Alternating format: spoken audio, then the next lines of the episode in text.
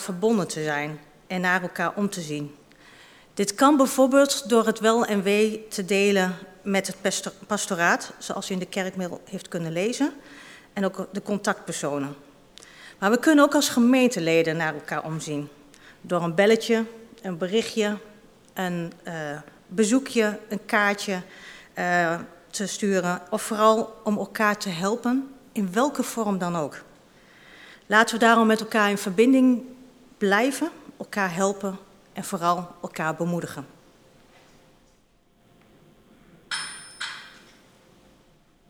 Laten we de dienst beginnen met een moment van stilte.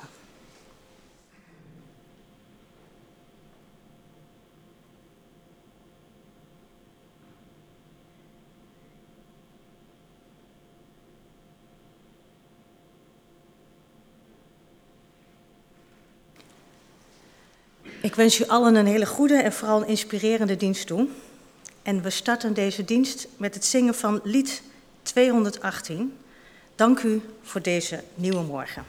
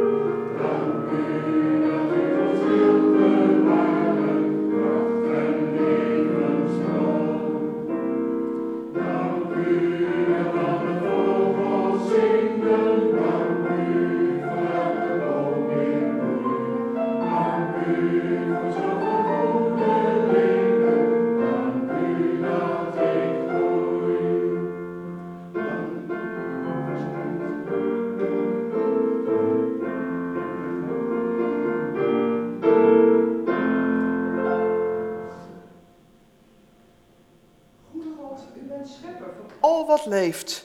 U hebt deze aarde aan ons toevertrouwd. En vandaag kreunt die schepping onder het gewicht van ons mensen. Wij vervuilen en verbruiken de bronnen van het leven. We deden het en we weten niet hoe we dit zomaar stoppen, deze demonische machinerie. Wij tasten uw wereld, God, aan, de mensen en de dieren, de schoonheid van de aarde en puur van ons eigen economisch gewin. Maar u belooft ons toch uw goedheid, vrede, vrijspraak van onze schuld. Als wij hier beloven dat we het beter willen gaan doen en er alles op alles zetten. U belooft ons God een nieuwe aarde en we mogen daarop nu al door uw Zoon Jezus Christus in uw geest verbonden zijn. Amen.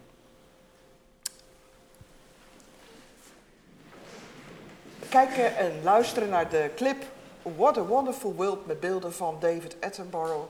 En je kunt meezingen met Louis Armstrong.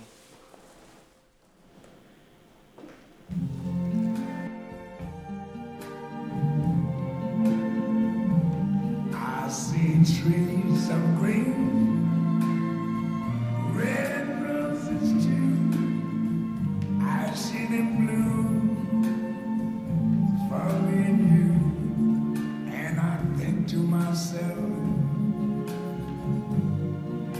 what a wonderful world.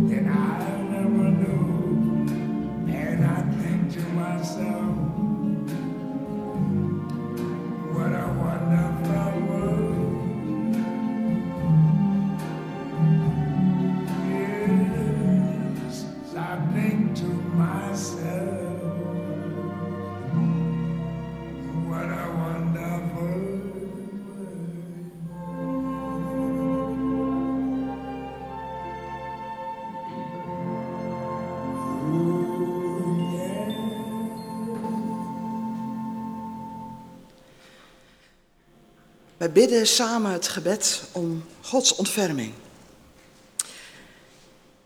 Heer, wij bidden u, ontferm u over ons. Help ons om nieuwe wegen te vinden, te gaan, om echt stappen te zetten. Wij bidden u om wijsheid voor wie leiding geven in de politiek, in het bedrijfsleven, in de wetenschap.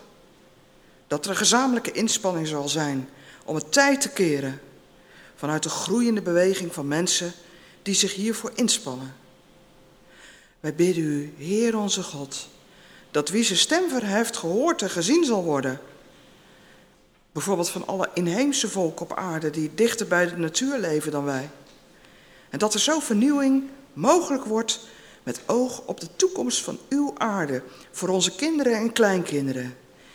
Kyrie eleison, Heer, sla uw armen om deze aarde heen. Amen. Ja, nou gaan we ook een lied zingen van André Troost. En daarvoor ga ik de hulp inroepen van onze Nestor. En dat is Hans Prezet. Want voor mij was de melodie een beetje moeilijk en onbekend. Maar hij zegt, nee, dat kunnen we wel. Ik zing wel voor. En dat is een Kyrie-lijst dat André Troost zelf gedicht heeft... op een van ouds bekende melodie, die ik dan weer niet ken. Een hele bekende melodie uit het uh, nieuwe liedboek, ook uit het, van, uh, de, dat we met name in de hervormde kerk altijd gebruikten. En het is uit de, de, melodie, een van de melodieën van de. Even kijken. Nou, als je even de eerste regel, dan weet iedereen welke melodie het is.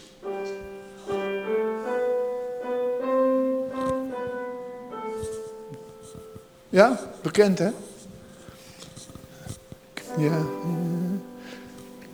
Kyrie eleis, heb medelijden. De schepping klachten aarde huilt.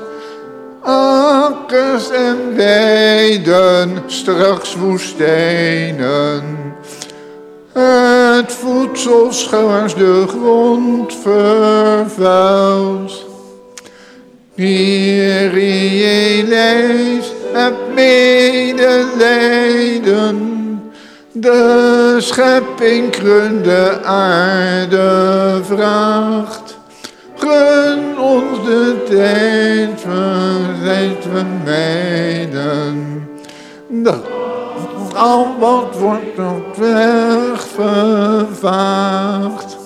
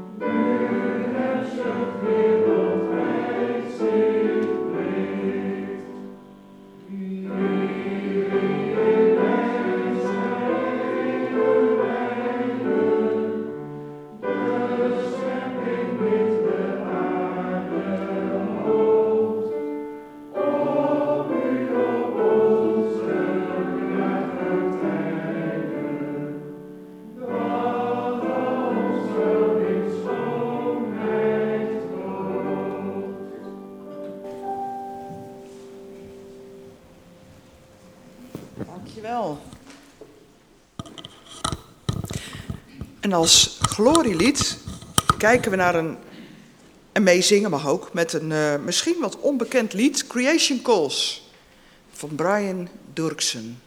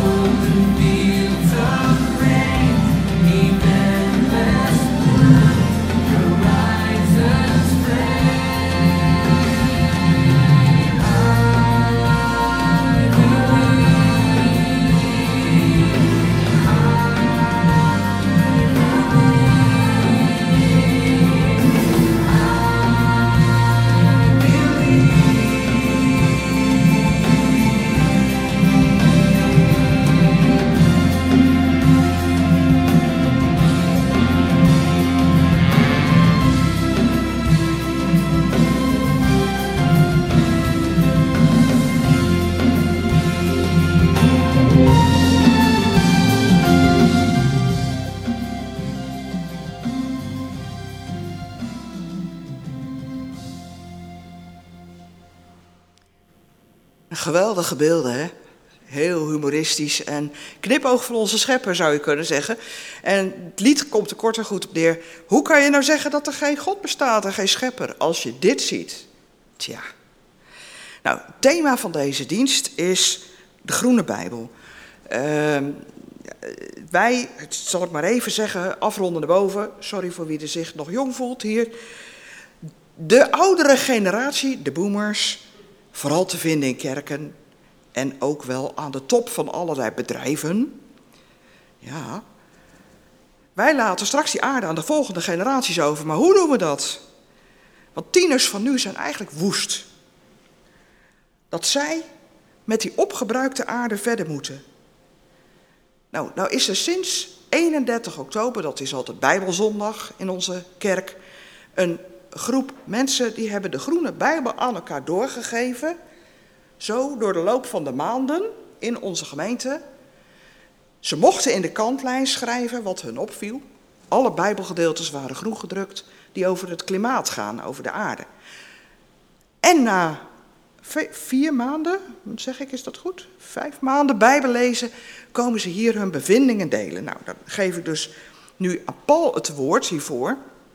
En het thema dat ik gekozen heb voor deze dienst is: God zorgt voor zijn schepping en klimaat. Klimaat- en milieuzorg is dus in Gods navolging. Wij mogen creatief in Gods spoor zijn. En we gaan van zegen via een verloren paradijs en woestijnvorming naar een nieuwe aarde. Paul, wil jij wat meer toelichten van jullie bevindingen?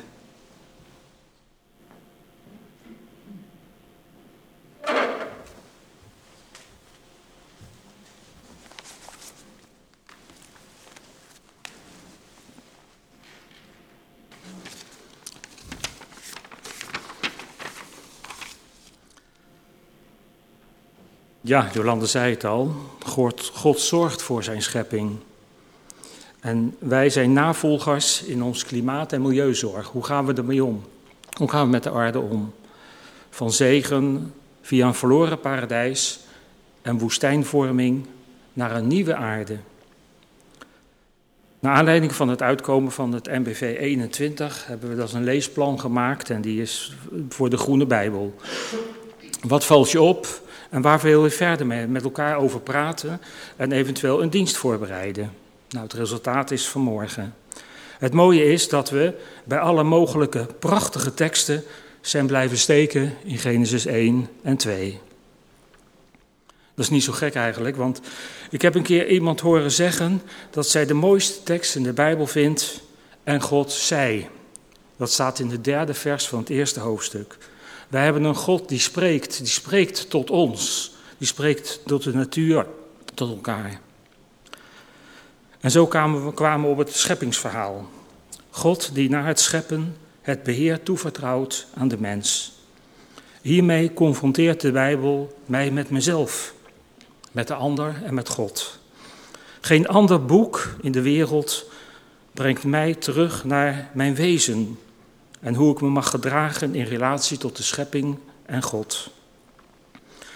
Schepping is, is een voortgaand proces. God staat niet alleen aan het begin van de wereld, God houdt de wereld in stand. We zagen net prachtige beelden. En in het scheppingsverhaal creëert God niet alleen, maar hij zegent. Hij zegent de wereld die geschapen is. Na het paradijs is God een God van de oogst. Er ontstaat een cyclus. Er komen zomer, herfst en winter en geboorte, dood. Het gaat als een cyclus gaat het door. En God ontmoet de mens in de natuur.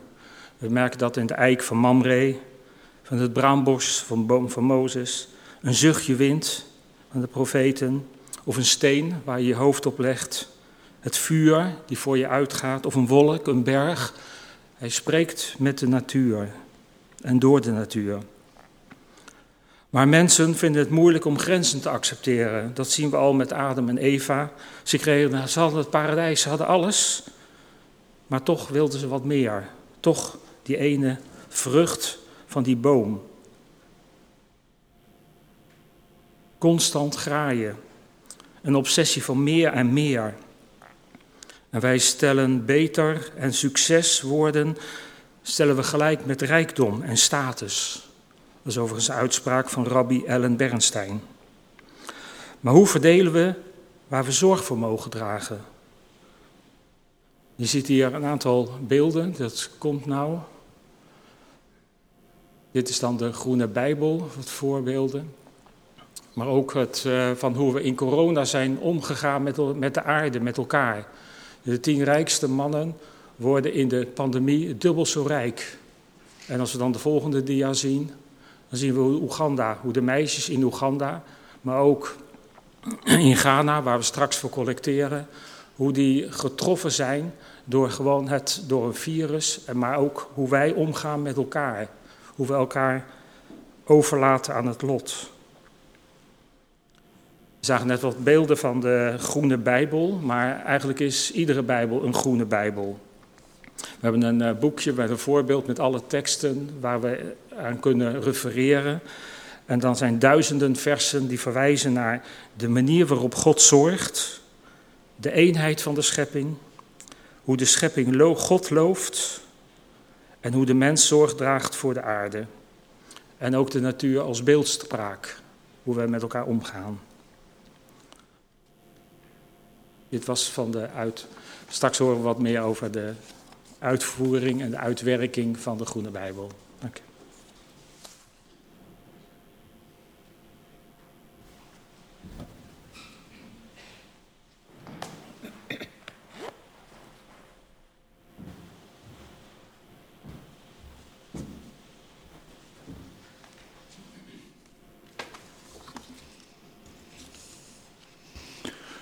Bij een dienst over de Groene Bijbel en over Groene Kerk zijn, dus zorg voor het leefmilieu op aarde, gaat het over de relatie tussen mens en natuur. En als je daar dan iets over zoekt in de Bijbel, zoals wij dat met de voorbereidingsgroep toen deden, kom je al gauw terecht bij de eerste twee hoofdstukken, Genesis 1 en Genesis 2. Paul releveerde het al van. Of eigenlijk Genesis 1, vers 1 tot en met hoofdstuk 2, vers 4, bekend als het scheppingsverhaal. En in de tweede plaats de rest van Genesis 2 vanaf vers 5, het paradijsverhaal, zo genomen noemen. En vooral het begin daarvan. Want in allebei wordt Gods opdracht aan de mens ten opzichte van de natuur onder woorden gebracht. Maar daar is een opvallend verschil tussen. Genesis 1 wekt de indruk, op, althans bij mij, afkomstig te zijn uit de oudste ontwikkelingsfase van de mensheid. Als verzamelaars, vissers en jagers.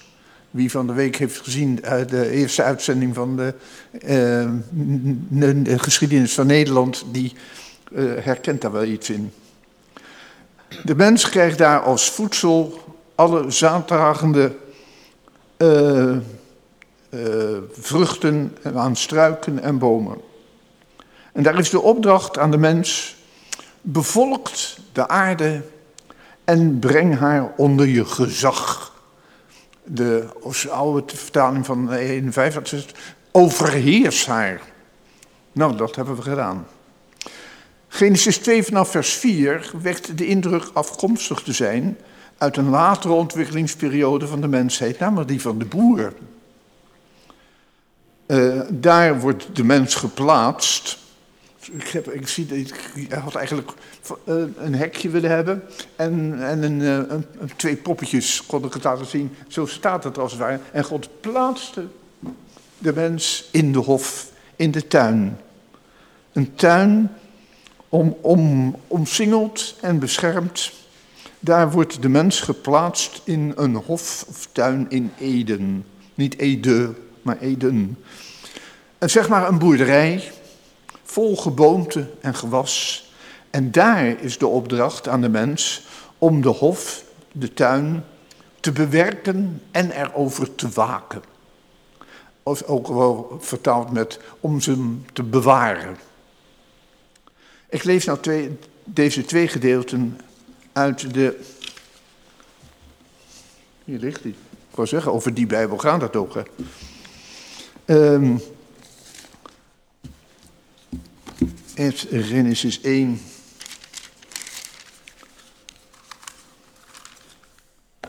Vanaf vers 26 tot en met 30. Nou, de bladzijden, die kleven toch, ook daarvoor kleven ze nog te veel aan elkaar. Moeten we iets meer van uit, uit gaan lezen. Jee, je krijgt hem haast niet van elkaar weg. Ja. Nog niet. Oh ja.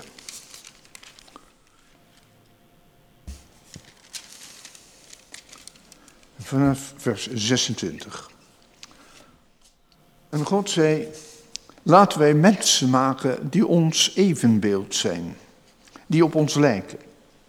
Ze moeten heersen over, heersen, zei het al, over de vissen van de zee en de vogels van de hemel en over het vee, over de hele aarde en over alles wat daarop rondkruipt. En God schiep de mens als zijn evenbeeld, als evenbeeld van God schiep hem. Mannelijk en vrouwelijk schiep hij de mensen. Hij zegende hen en zei tegen hen, wees vruchtbaar en word talrijk. Bevolk de aarde en breng haar onder je gezag. Breng haar onder je gezag. Overheers uh, staat stond er in 1951. Heers over de vissen van de zee, over de vogels van de hemel en over alle dieren die op de aarde rondkruipen. Ook zegt God, hierbij geef ik jullie alle zaad, jullie, dus de mensen, alle zaaddragende planten en vruchtbomen op de aarde. Dat zal jullie voedsel zijn. En aan de dieren die in het wild leven, aan de vogels van de hemel en aan de levende wezens die op de aarde rondkruipen, geef ik alle groene planten als tot voedsel. En zo gebeurde het. En God zag dat het goed was, dat alles wat hij had gemaakt en het was zeer goed. Ehm, de Amsterdamse Oud-testamenticus Karel Deurlo, die heeft een boekje geschreven over Genesis, commentaar over Genesis, dat ik toevallig er ook bij gepakt even, toen ik uh, later thuis kwam. En die schrijft, het staat tegenwoordig in een slechte reuk, omdat de mensen de aarde uitbuit. Dat, dat gezag, dat heersen. Daarom neem ik de, de, andere hoofdstuk is Genesis 2, daar lees ik van de versen 8 en 9 en vers 15. En de Heere God legde in het oosten in Eden een tuin aan en daarin plaatste hij de mens die hij had gemaakt. Hij liet uit de aarde van allerlei bomen opschieten die, die er aanlokkelijk uitzagen met heerlijke vruchten. In het midden van de eh, tuin stonden de levensboom en de boom van de kennis van goed en kwaad. En de Heer bracht de mens dus in de tuin van Eden om die, staat er dan, te bewerken en erover te waken. En daar schrijft professor Deurlo nog even bij. Niet ten onrechte beroepen milieumensen zich op deze tekst. De moderne mens is immers voor een groot deel nog primitief blijven hangen in het heersen over de aarde, om niet te zeggen uitbuiten. En het wordt hoog tijd dat we ons meer bezighouden met dat bewerken, bewaren en bewaken van de aarde. Dat we zeggen er goed voor zorgen en er goed op passen.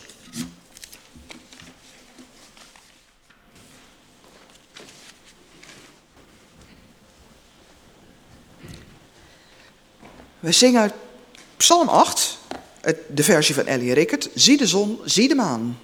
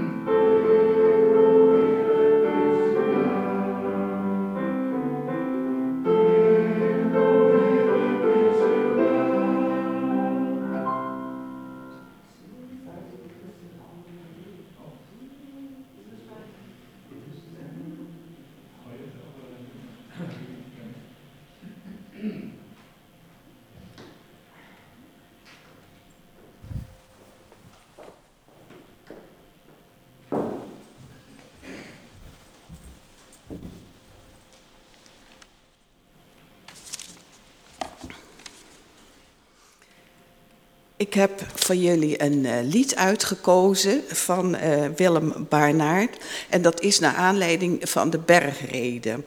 En dat gaat over vogels en bomen en bloemen. En waarom heb ik dit lied uitgekozen? Nou, dat komt als volgt. Want als kind woonde ik op het platteland van Walcheren. De zondagen waren in die tijd echte rustdagen. Het werk was gedaan, het, het, erf waarop de musjes kwetterden was netjes aangeharkt en de schoenen waren gepoetst. Een wandeling door de tuinderij, want ik woonde op een tuinderij, de tuinderij van mijn vader. Dus die wandeling was een vaste traditie. En de tuin was omsingeld door populieren. En die ruisten in de wind, de bomen. En de boerenzwaluwen, die vlogen bij ons de schuur in en uit. En de leeuweriken jubelden boven het verstilde land op zondag, de rustdag. Daarom spreekt dit lied mij aan, want het gaat over de vogels van de bomen. De vogels van de bomen, die lopen door de lucht, als vele lichte dromen. Ze wonen in het licht. Ze rusten op de adem van God, die ademend de wereld heeft geschapen en alle namen kent. Die alle hemelstreken, de aarde als een huis, alleen maar door te spreken maakte, spelenderwijs. De grandioze bloemen, de bloemen bij de vleet, met schitterende kronen, als koningen gekleed. In kleuren en in geuren vertellen ze van God en weten van geen treuren. De vreugde is te groot. De vogelen des hemels, de leliën des velds, ze hebben ons van Jezus en van het paradijs verteld. De vogels die daar vliegen, zij geven hoog van God. Ze geven van de liefde van God de Vader op. De bloemen en de heesters, als sluiers van een bruid, breiden het vuur des geestes over de aarde uit. Ze bloeien zo uitbundig, ze zingen overluid, al was hun bloei oneindig, hun lied onsterfelijk. Ze vliegen zo voortvarend. Ze wiegen in de wind en zingen op de aarde, de zon die overwint. Want God is al hun leven. Ze komen niets tekort. Al bloeien ze maar even en morgen reeds verdord. Wat zullen wij dan slaven en werken tot er dood? Ons manna komt van boven, ons dagelijkse brood. God immers, sorry. God immers houdt de ganse aarde in stand en staat. Hier in het ondermaanse verheft, verheft hij zijn gelaat. God immers houdt de aarde wat leeft in staat en stand. En hij zal ook ons bewaren. Wij eten uit zijn hand.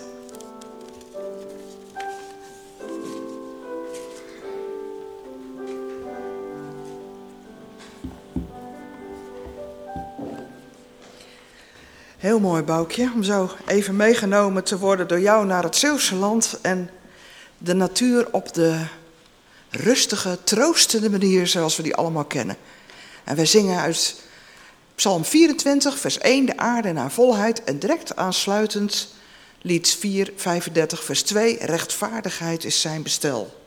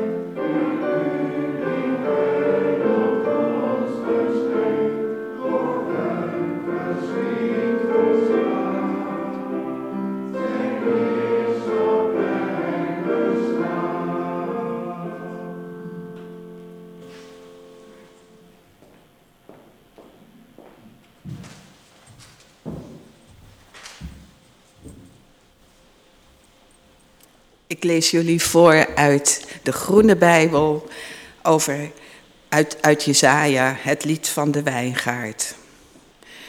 Voor mijn geliefde wil ik zingen, het lied van mijn lief en zijn wijngaard. Mijn geliefde had een wijngaard, gelegen op vruchtbare grond. Hij bewerkte de grond, haalde de stenen eruit en plantte een edele druivensoort. Hij bouwde er een wachttoren, hakte ook een perskuip uit en hij verwachtte veel van zijn wijngaard. Maar die bracht slechts wrange druiven voort. Welnu, inwoners van Juda en Jeruzalem, spreek recht tussen mij en mijn wijngaard. Wat kon ik meer aan mijn wijngaard doen? Wat heb ik te weinig gedaan? Ik verwachtte zoveel van mijn wijngaard. Waarom bracht hij slechts wrange vruchten voort? Luister, ik zal jullie vertellen wat ik met mijn wijngaard ga doen. Ik ruk de doornhaag uit, breek de muur af, zodat hij verbrand en vertrapt kan worden. Ik zal hem laten verwilderen. Er wordt niet meer gesnoeid, niet meer gewiet, dorens en distels schieten erop. De wolken zal ik opdragen geen regen op hem te laten vallen. Israël is de wijngaard van de Heer, van de hemelse machten. Uitgelezen aanplant zijn de inwoners van Juda. Hij verwachtte recht, maar oogste onrecht. Hij zocht rechtsbetrachting, maar vond rechtsverkrachting. En aansluitend daarop gaat Jezaja verder. Wee degenen die zich huis na huis toe-eigenen, die akker na akker samenvoegen, totdat er voor niemand meer ruimte is en zij alleen het land bewonen. Ook toen al.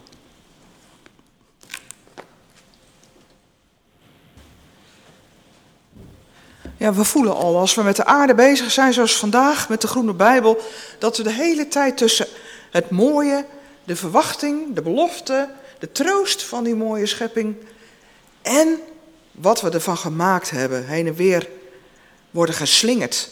We worden met onszelf geconfronteerd vandaag. We mogen toch ook nog zingen nu. Het lied In de bloembol is de krokus, omdat we, als we het over belofte en vervulling hebben, ja, dan is dus de tijd van nu, hè, de krokusjes die de grond uitkomen, is de belofte. En de volle zomer, de nieuwe aarde straks, is de vervulling. We zingen lied 982.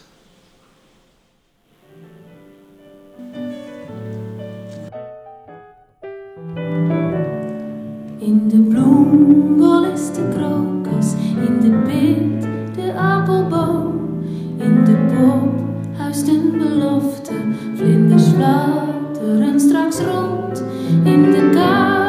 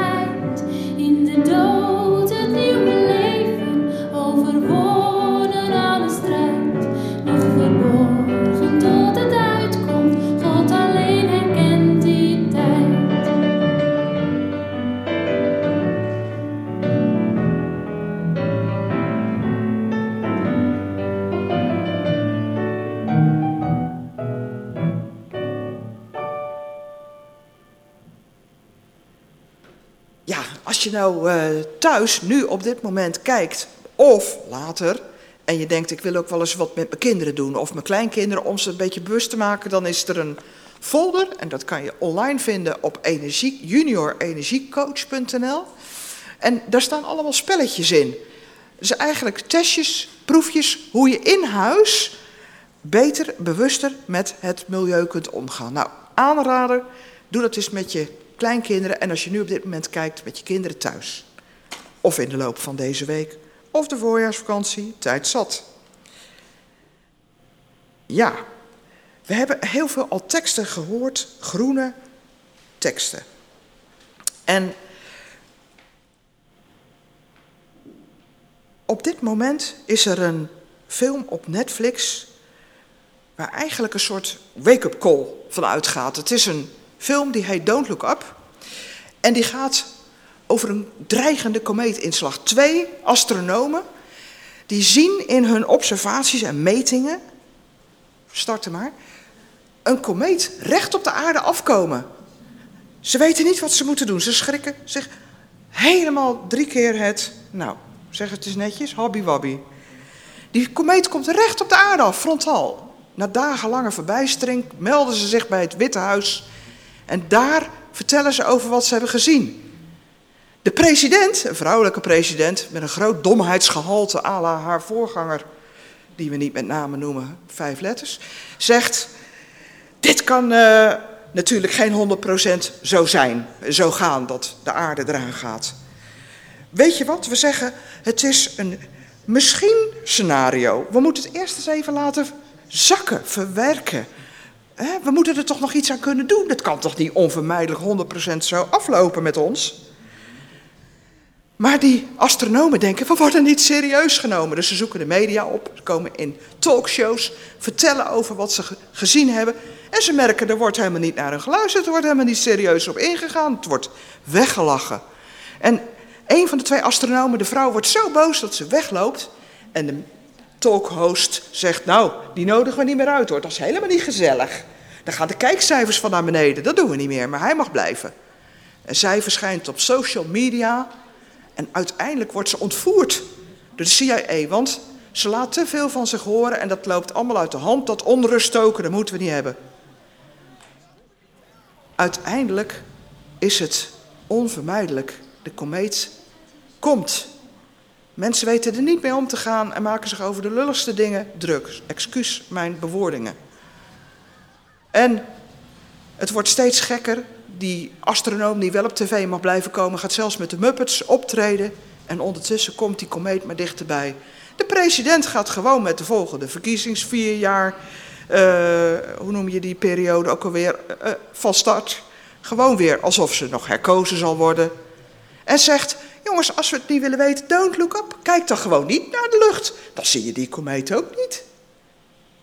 Kop in zand, kortom.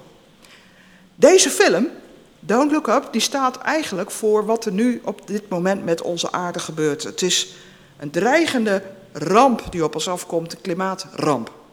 Onontkoombaar. 90, nee, 100 procent zeker. Komen we door te zeggen, we steken de kop in het zand, don't look up? Nee. En deze film wordt omarmd door overal de klimaatdeskundigen ter wereld. Ze zeggen eigenlijk, kijk hem nou, want dan komt het op je af hoe wij omgaan met ons eigen klimaat. Dat het geen zomaar verhaaltje is wat je weg kunt lachen, wat Trump bijvoorbeeld deed in de voorgaande vier jaar. En mij deed het eigenlijk ook denken toen ik die film zag aan de tijd van Noach. De mensen bleven maar doorgaan. Met eten en drinken, tv maken, tv kijken. Oh nee, dat deden ze toen nog niet. Met gewoon leven alsof er niks aan de hand was. En Noach bouwde honderd jaar lang zijn ark. Eén grote waarschuwing, het water komt. Onontkoombaar. Is dat nou alleen maar zo'n doemboek, de Bijbel? Is het alleen maar zo'n naargeestig zwart boek, wat je beter dicht kan laten? Ja, we noemen het vandaag een groen boek. Hè? Staat er dan toch iets actueels in die Bijbel waar we ook vandaag de dag nog wat mee kunnen? Ja, we hebben dus gezocht, de Groene Bijbellezers en ik samen, naar teksten. En dan blijkt die Bijbel heel actueel, verrassend actueel te zijn. Want we komen teksten tegen over het Sabbatsjaar. Het Sabbatsjaar, dat wordt in Exodus al opgedragen. En dan is de opdracht om je akkers een jaar lang niet te bebouwen, braak te laten liggen. Dan put je namelijk de grond niet uit, dan geef je die grond rust. En dan kan die zich herstellen. Hé, hey, dat klinkt eigenlijk alsof die grond ook een levend wezen is, net als wij. Het lijkt wel een mens. En ja, zo gaat God ook om met zijn hele schepping. Wij zijn niet anders dan die aarde. Die aarde is niet anders dan wij. Als ik om ons heen kijk, dan kijk ik naar de Veluwe, waar ik persoonlijk graag loop. En dan hoor ik over verzuring, verarming van de bodem. En de groene tros weet daar vast veel meer vanaf. En dan kijk ik in de limes om ons heen, dan zie ik jaar in jaar uit alleen maar meer mais bebouwd worden. Is er niks meer dan mais? Is de rest soms te lastig om te bebouwen? Elk jaar mais en nooit braak liggen? Dat kan toch niet goed gaan? Nieuwe inzichten, die hebben we hard nodig. En zo komt er wel eens een keer in de herfst nog een, een eh, veldje koolzaad voorbij. Maar wat kan dat doen? Kan dat de aarde redden? Eigenlijk moet de aarde dus net als een mens, één op de zeven, dat is Gods regelmaat, rust hebben. God heeft eigenlijk ook nog een andere opdracht gegeven in Leviticus 25, om zelfs zeven maal zeven jaar, dus na het 49ste jaar, de aarde een dubbeljaar rust te geven. En dat werd het jubeljaar genoemd. Nou, ik kan u vertellen, dat sabbatsjaar is af en toe gehouden, het jubeljaar is nooit gehouden. Israël heeft het nooit uitgevoerd. Grond heeft herstel nodig, het is het niet gegund geweest. En uiteindelijk snijden we natuurlijk daar zelf mee in onze eigen vingers. Als je die grond maar blijft afjakkeren. En je vee. En dat je het uitput, opbrandt. Net als een mens. Opbruiken. Die grond, die is vroeger, Israël werd als het ware Gods nieuwe Eden, Gods nieuwe proeftuin. Verdeeld tussen twaalf stammen en onder hen tussen hun families. Iedereen evenveel grond, je eigen lapje. Je eigen huis, een plek onder de zon. En dan zou na zeven maal zeven jaar niet alleen die grondrust hebben, maar ook de oorspronkelijke verdeling terugkeren. Want stel dat je een keer pech had gehad tijdens die 50 jaar, één, twee generaties, een misoogd, mond- en klauwzeer, veepest. En je was bankroet, failliet en je moest jezelf en je kinderen in slavernij laten gaan om je schulden af te lossen. Na zeven maal zeven jaar, in het jubeljaar, werden dan de verhouding hersteld. Iedereen kreeg zijn oorspronkelijke lapje grond terug. En de schulden werden kwijtgescholden. Klaar, schone lei, iedereen overnieuw. Nou, dat is toch wat je noemt genade. Heel concreet. Wat een verrassende dingen staan er in die Bijbel. Pech kan een keer gebeuren. Denk maar aan de toeslagaffaire ook. Maar dan moet je toch ook weer met een schone leid opnieuw mogen beginnen? Het jubeljaar is nooit gehouden.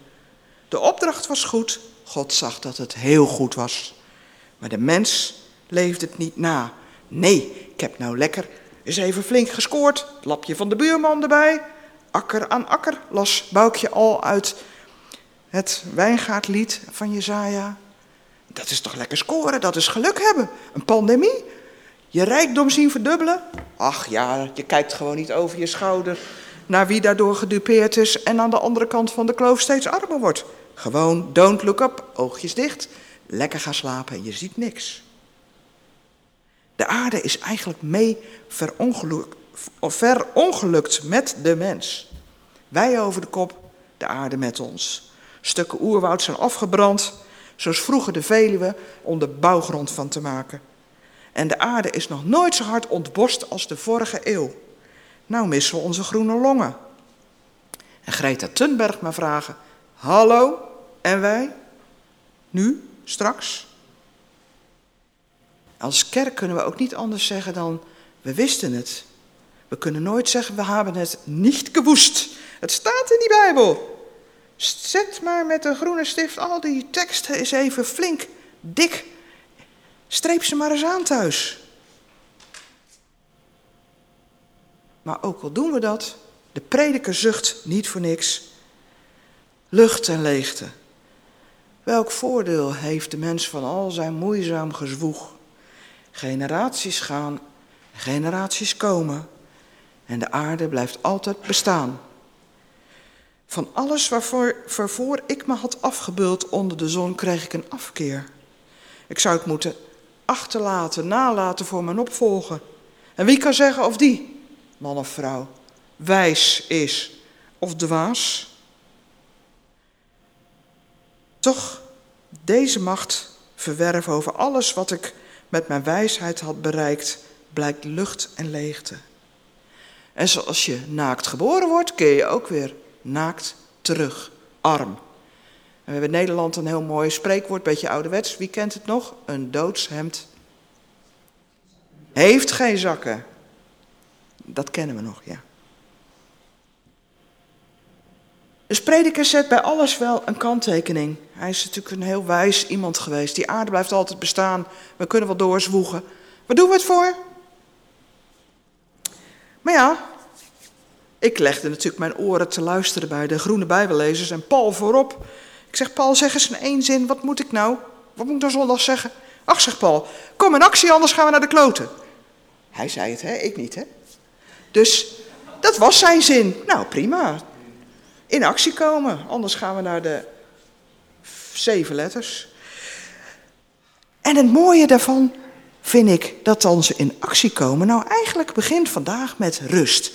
En onze actie is voornamelijk rust gunnen. Herstel. Gunnen. Gun elkaar eens wat. Gun onze grond eens wat. Ons leven begint met de Sabbat. De zevende dag is de rustdag. We mogen beginnen met genieten. Want we worden al moe van het woord actievoeren. Zeker als je als boemer toch al wel je voetstappen op deze aarde hebt liggen. Dan denk je, hè, mag ik nou eens even uitrusten? Ja, dat mocht altijd al. Gun je grond rust, gun je dieren rust, gun jezelf eens rust. Is dat een advies of een gebod? Nou, het is in ieder geval geen zware opdracht om rust te nemen. Betekent gewoon niet alles en jezelf en die aarde opbranden, opbruiken, uitputten. We kregen een tuincadeau Ede. Synoniem voor de hele aarde. En alles was zeer goed. Maar het werd een woestenij. Weerbarstige grond. Maar we weten ook, het staat in openbaring het laatste hoofdstuk, dat we met Christus mogen meeregeren op een nieuwe aarde. Dan zal die tuin hersteld zijn. En zullen we eeuwig genieten. En Jezaja, die net al de boukje werd geciteerd, zegt het ook daarin weer heel poëtisch en creatief. Zie, God zegt, ik schep een nieuwe hemel en aarde.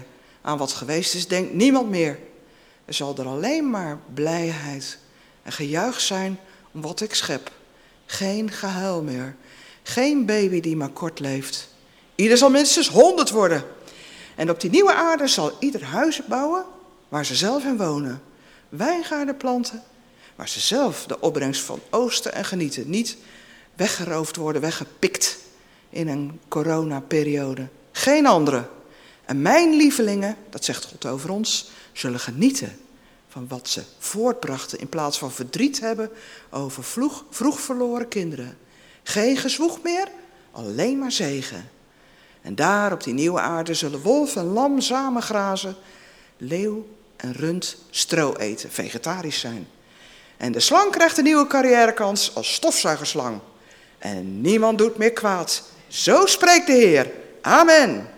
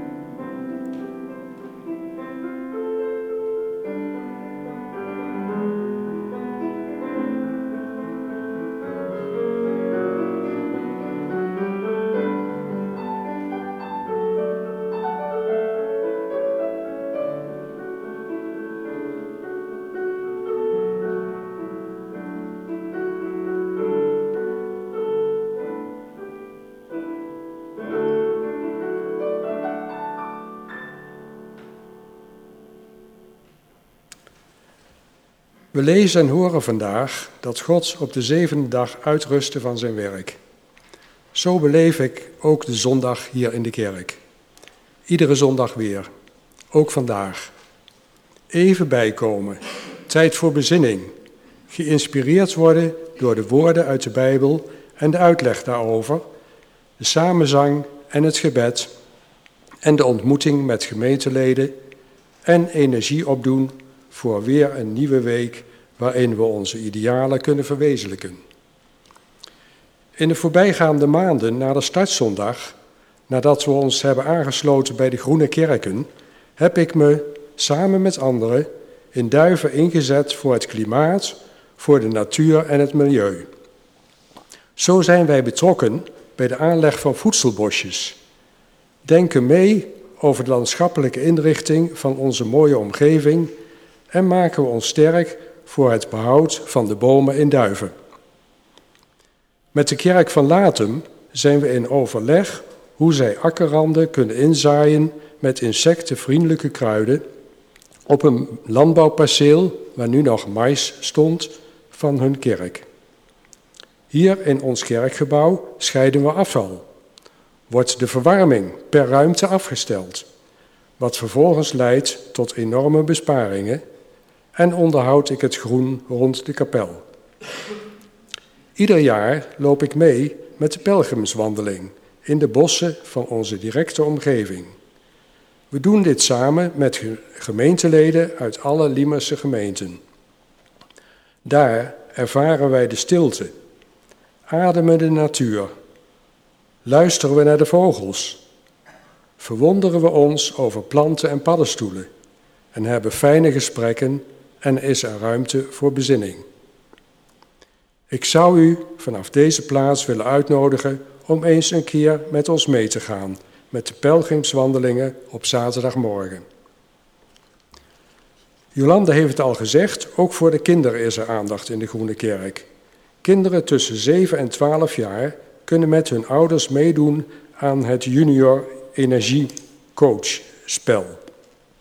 Een praktisch, leuk en leerzaam spel van vijf weken waarin de kinderen kunnen ontdekken waarin je energie kunt besparen. Informatie in kerkmail op de Bima en na afloop hier in de kerk. Dank u wel. Ik wens u een fijne zondag.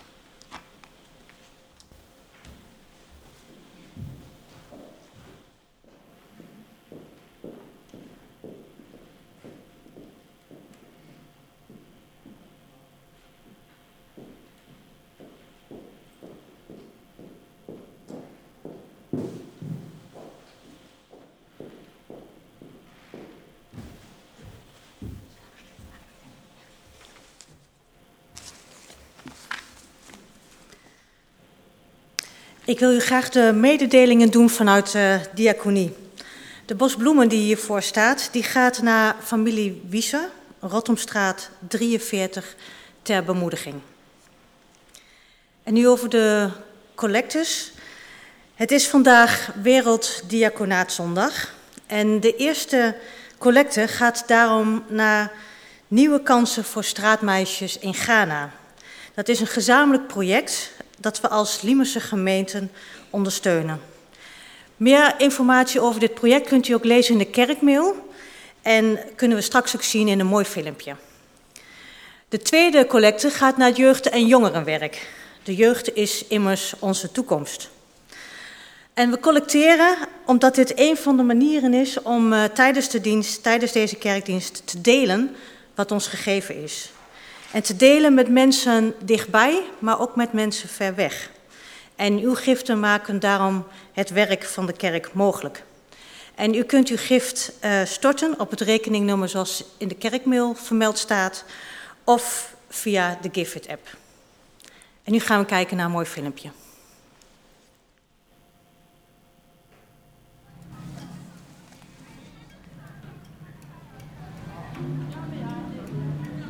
Ghana is een land in ontwikkeling met een zeer jonge bevolking. Vooral de hoofdstad Accra heeft een grote aantrekkingskracht op jongeren die naar de grote stad trekken op zoek naar werk. Naast de groeiende welvaart is er ook nog veel armoede. Je zult maar zoals Stephanie opgroeien in een sloppenwijk van Accra. I was selling waters early in the morning. I have to and sell. If I want to eat with my mom, then I have to start from the morning to evening so that I can get enough money. We can eat and put the other one for our landlady. Yes. So when I'm sick, I have to go because nobody will help you to buy food. So you have to do everything by yourself. Op jonge leeftijd kreeg Stephanie de kans om naar school te gaan. Maar door het overlijden van haar vader en doordat haar moeder niet meer voor haar kan zorgen, wordt ze bij een oom en tante ondergebracht. Daar wordt ze uitgebuit en moet ze heel hard werken. Ze besluit om terug te keren naar Accra. Haar moeder verdient daar een beetje geld door eten te maken en te verkopen.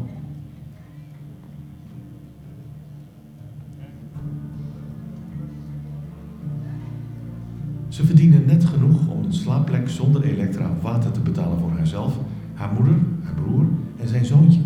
Een plek met onvoldoende ruimte voor vier mensen en hun spullen. Place sometimes we choose to sleep outside, but now they are doing a lot of things in here which we are afraid, so we have to enter into it. Boven de deur staat een tekst. Fighting with God, all things are possible. Like always, if I'm entering into this room and I well, look at this thing, it makes me become. I get more hope because it's now that we are suffering at this place. But if God come into what we are doing here, can get better place than this. Haar leven leek uitzichtloos, totdat ze in contact kwam met het opvangcentrum Lifeline van de Ghanese kerk. Daar kunnen meisjes tien maanden verblijven en een vak leren, zoals kapster, kleding of sieradenmaakster. Ze leren in hun eigen levensonderhoud te voorzien. Het is letterlijk een lifeline, een reddingsboei die hen wordt toegeworpen. Stephanie leerde het kappersvak bij het centrum en loopt nu stage bij een kapperszaak. They have changed my life with a lot of things. When they came here, they help us a lot. So always I pray for them. Meisjes die er altijd alleen voor stonden, vinden steun bij God en bij elkaar. Stephanie is a motivation even to the girls that are in the yard. Because we tell them she was once here just like you. Now this is how because she's dedicated herself to doing other things and she's getting support, she's been encouraged and she's making an impact. So that is how the church is playing a role in the lives of these girls. Um, in my future, I want to become a, uh, an hairdresser, madam, with my own salon, so that I can also get some girls to work with me.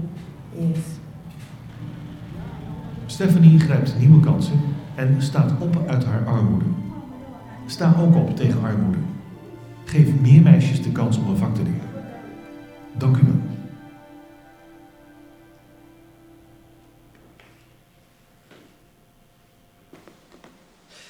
Er is voorbeden gevraagd door Wim van Dam in verband met zijn voortschrijdende ziekteproces. En dat zullen we graag bij God brengen. En ook voor zijn zoon die vanaf morgen naar een woonvorm in Arnhem verhuist. We zullen met elkaar bidden. Goede God, trouwe Vader, u hebt deze wereld duizenden jaren al in uw hand gehouden en wij vertrouwen dat u dat blijft doen. Want als we naar onszelf zouden kijken, naar ons als mensheid, dan zien we niets anders dan dat het misgaat. Dat deze planeet straks niet leefbaar meer is.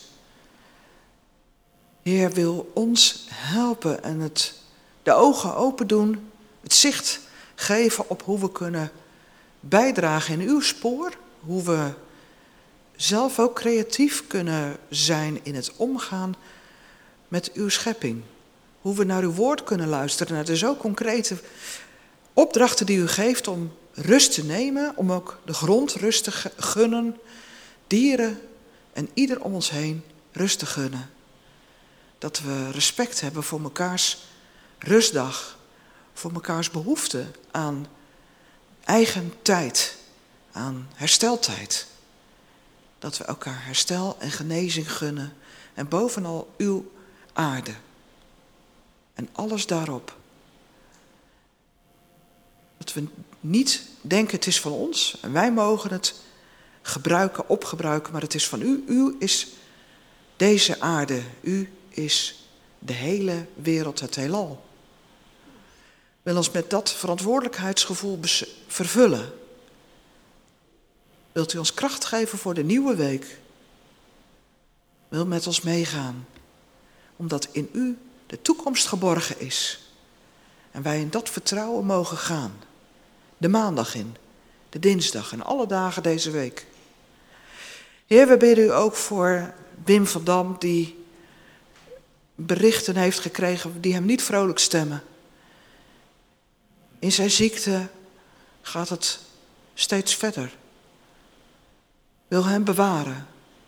Wil hem dragen en omringen met uw liefde en troost, zodat hij de dagen en de nachten zich geborgen weet in u.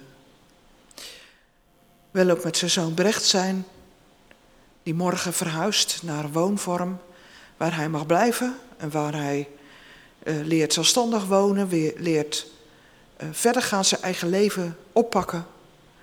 Wil zo voor hem uitgaan en ook hem laten merken dat u er bent in zijn leven. Dat hij niet alleen is, maar met u zijn leven mag oppakken en vormgeven. Heer, we bidden in stilte voor ieder die niet genoemd is, maar die wij op ons hart dragen en aan u willen voorleggen.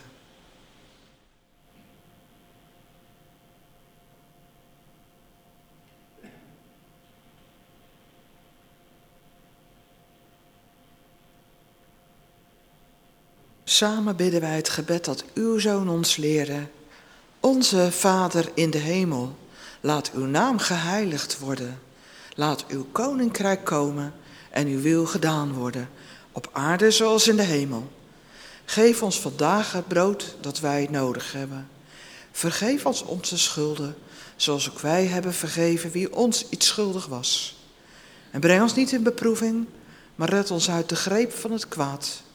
Want van u is het koninkrijk en de kracht en de heerlijkheid in eeuwigheid. Amen. Als slotlied zingen we het lied en ook alle liederen in deze viering zijn door de Bijbellezers, de groene Bijbellezers, gekozen. Zal er ooit een dag van vrede zijn?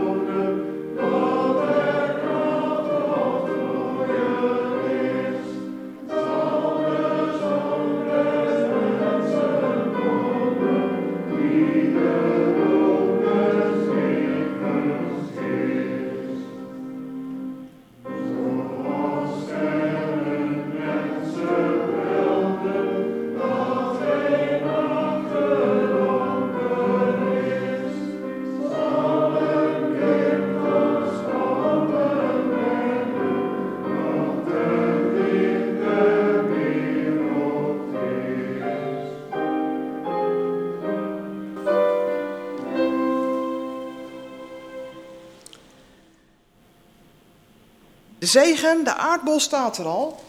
En ik doe even de regenboogplu erbij op. Dit is Gods zegen over die aarde. Zo, het regent vandaag, maar wij zijn veilig onder Gods plu.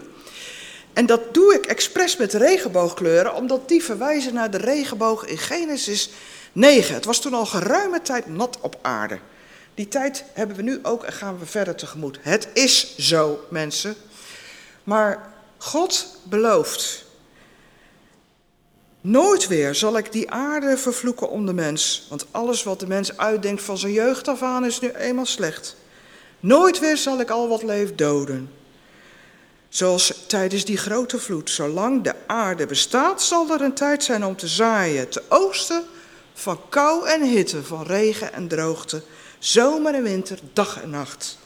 Nooit komt daar een eind aan. Steek die in je zak, mensen, want dat is keiharde munt die je van God meekrijgt vanochtend. En de zegen die God dan geeft is dezelfde als in Genesis. Wees vruchtbaar, word talrijk. Vervul die aarde, zorg ervoor. En die vervang ik nu door de woorden van Trinity, of ik vul ze eigenlijk aan. Ik wens jou een dak. Dit dak, Gods plu, boven je hoofd. Een dak boven deze aarde. En dat je huis een thuis mag zijn. Je tafel vol met brood, dat je rustig slapen mag. De hele nacht. En voor mijn part de hele zondag erbij. Dat je Sabbat vandaag herstel mag geven. En vrede. Dit mag ik je meegeven namens God. Ga zo de week in. Amen.